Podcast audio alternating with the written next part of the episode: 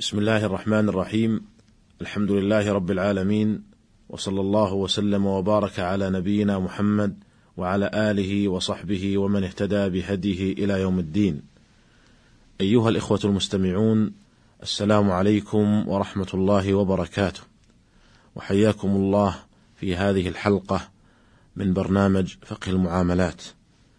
أيها الإخوة كنا قد تكلمنا في الحلقة السابقة عن جملة من شروط صحة البيع، وتوقفنا عند الشرط السادس من هذه الشروط، ونستكمل في هذه الحلقة آه، ما تبقى من شروط صحة البيع، ثم نتكلم إن شاء الله عن جملة من البيوع المنهي عنها.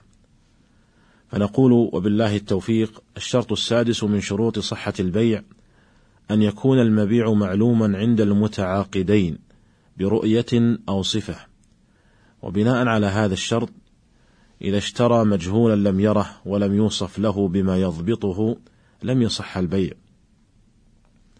ويكفي في الرؤية رؤية بعض المبيع الدال عليه.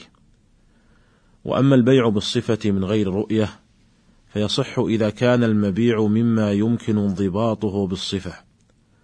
وبناء على ذلك يجوز لك أن تشتري سيارة مثلا بمواصفات معينة ولو لم ترها فإن كانت فإن كانت السيارة بتلك المواصفات وإلا فلك الخيار. وبناء على هذا الشرط لا يجوز بيع الحمل في البطن ولا اللبن في الضرع وذلك للجهالة والغرر. وقاعدة الشريعة تحريم كل ما اشتمل على الجهالة والغرر، كما جاء ذلك في حديث أبي هريرة رضي الله عنه أن النبي نهى, نهى رسول الله صلى الله عليه وسلم عن بيع الغرر، وذلك لأن كل ما كان مشتملا على الجهالة والغرر يفضي إلى إيقاع العداوة والبغضاء، والشريعة الإسلامية تمنع كل ما أفضى إلى العداوة والبغضاء بين المسلمين. الشرط السابع من شروط صحة البيع أن يكون الثمن معلوما عند المتعاقدين، كما أنه يشترط أن يكون المبيع معلوما، فالثمن أحد العوضين فاشترط فيه العلم كالعوض الآخر، والبيع مع جهالة الثمن فيه غرر، وقد نهى النبي صلى الله عليه وسلم عن بيع الغرر. أما إذا باعه بما ينقطع به السعر، كأن يقول: أبيعك بما يقف عليه السوم، فقد اختلف العلماء في حكم ذلك، فمنهم من منع ذلك ومنهم من أجازه. واختار شيخ الإسلام ابن تيمية رحمه الله وكذا تلميذه ابن القيم رحمه الله اختار جواز ذلك وصحة البيع حينئذ. وذلك لكون الجهالة بالثمن في هذه الحال تؤول إلى العلم. قال الإمام ابن القيم وهو الصواب المقطوع به وليس في كتاب الله ولا في سنة رسوله صلى الله عليه وسلم ولا إجماع الأمة ولا قول صاحب ولا قياس صحيح ما يحرمه. أيها الإخوة المستمعون، وبعد أن تكلمنا عن حقيقة البيع وشروط صحته، نقف مع جملة من البيوع المنهي عنها. فمن ذلك البيع وكذا الشراء ممن تلزمه الجمعة بعد النداء الثاني، وقد اتفق العلماء على تحريمه، لقول الله تعالى: يا أيها الذين آمنوا إذا نودي للصلاة من يوم الجمعة فاسعوا إلى ذكر الله وذروا البيع. ذلكم خير لكم إن كنتم تعلمون. فإذا قضيت الصلاة فانتشروا في الأرض وابتغوا من فضل الله واذكروا الله كثيرا لعلكم تفلحون. فقد نهى الله عز وجل عن البيع بعد النداء لصلاة الجمعة. ويشمل ذلك بيع أي شيء كان ولو كان شيئا يسيرا كعود أراك مثلا. والنداء الذي يتعلق به المنع هو النداء الذي يكون عقب جلوس الإمام على المنبر لأنه النداء الذي كان على عهد رسول الله صلى الله عليه وسلم فتعلق الحكم به. وأما النداء الأول للجمعة فلم يكن في عهد رسول الله صلى الله عليه وسلم ولا في عهد أبي بكر الصديق رضي الله عنه ولا في عهد عمر بن الخطاب رضي الله عنه وإنما زاده عثمان بن عفان رضي الله عنه لما كثر الناس فلا يشمله النهي عن البيع الوارد في الآية. والنهي عن البيع في الآية يقتضي تحريمه وعدم صحته. وبعد أن أمر الله بالسعي إلى ذكره ونهى عن البيع بعد نداء يوم الجمعة قال سبحانه ذلكم خير لكم إن كنتم تعلمون. أي ترككم البيع وإقبالكم إلى ذكر الله وإلى الصلاة خير لكم أي في الدنيا والآخرة إن كنتم تعلمون. ثم قال فإذا قضيت الصلاة فانتشروا في الأرض وابتغوا من فضل الله. قال الحافظ ابن كثير رحمه الله في تفسيره لما حجر عليهم التصرف بعد النداء وأمرهم بالاجتماع أذن لهم بعد الفراغ في الانتشار في الأرض والابتغاء من فضل الله.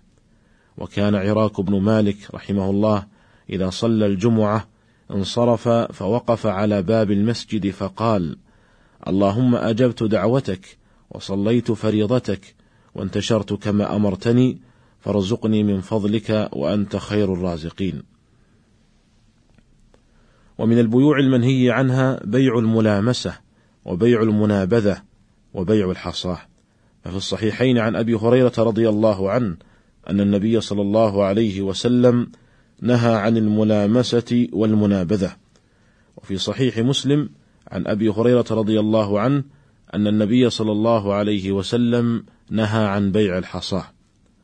فأما بيع الملامسة فمعناه أن يقول البائع للمشتري بعتك هذا الثوب على أنك متى لمسته فهو عليك بكذا. أو يقول أي ثوب تلمسه فهو عليك بكذا. وأما بيع المنابذة فمعناه أن يقول المشتري للبائع أي ثوب نبذته أي طرحته إلي فقد اشتريته بكذا. وأما بيع الحصاة فمعناه أن يقول البائع للمشتري ارم هذه الحصاة فعلى أي شيء تقع فهو لك بكذا. وله صورة أخرى وهي أن يقول بعتك من هذه الأرض مقدار ما تبلغ هذه الحصاة إذا رميتها بكذا. أيها الإخوة المستمعون، كل هذه البيوع قد نهى عنها النبي صلى الله عليه وسلم لما فيها من الجهالة والغرر. قال الموفق بن قدامة رحمه الله: لا نعلم بين أهل العلم خلافا في فساد هذه المبايعات.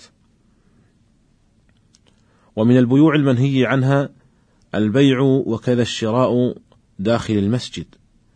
فعن أبي هريرة رضي الله عنه أن رسول الله صلى الله عليه وسلم قال إذا رأيتم من يبيع أو يبتاع في المسجد فقولوا لا أربح الله تجارتك.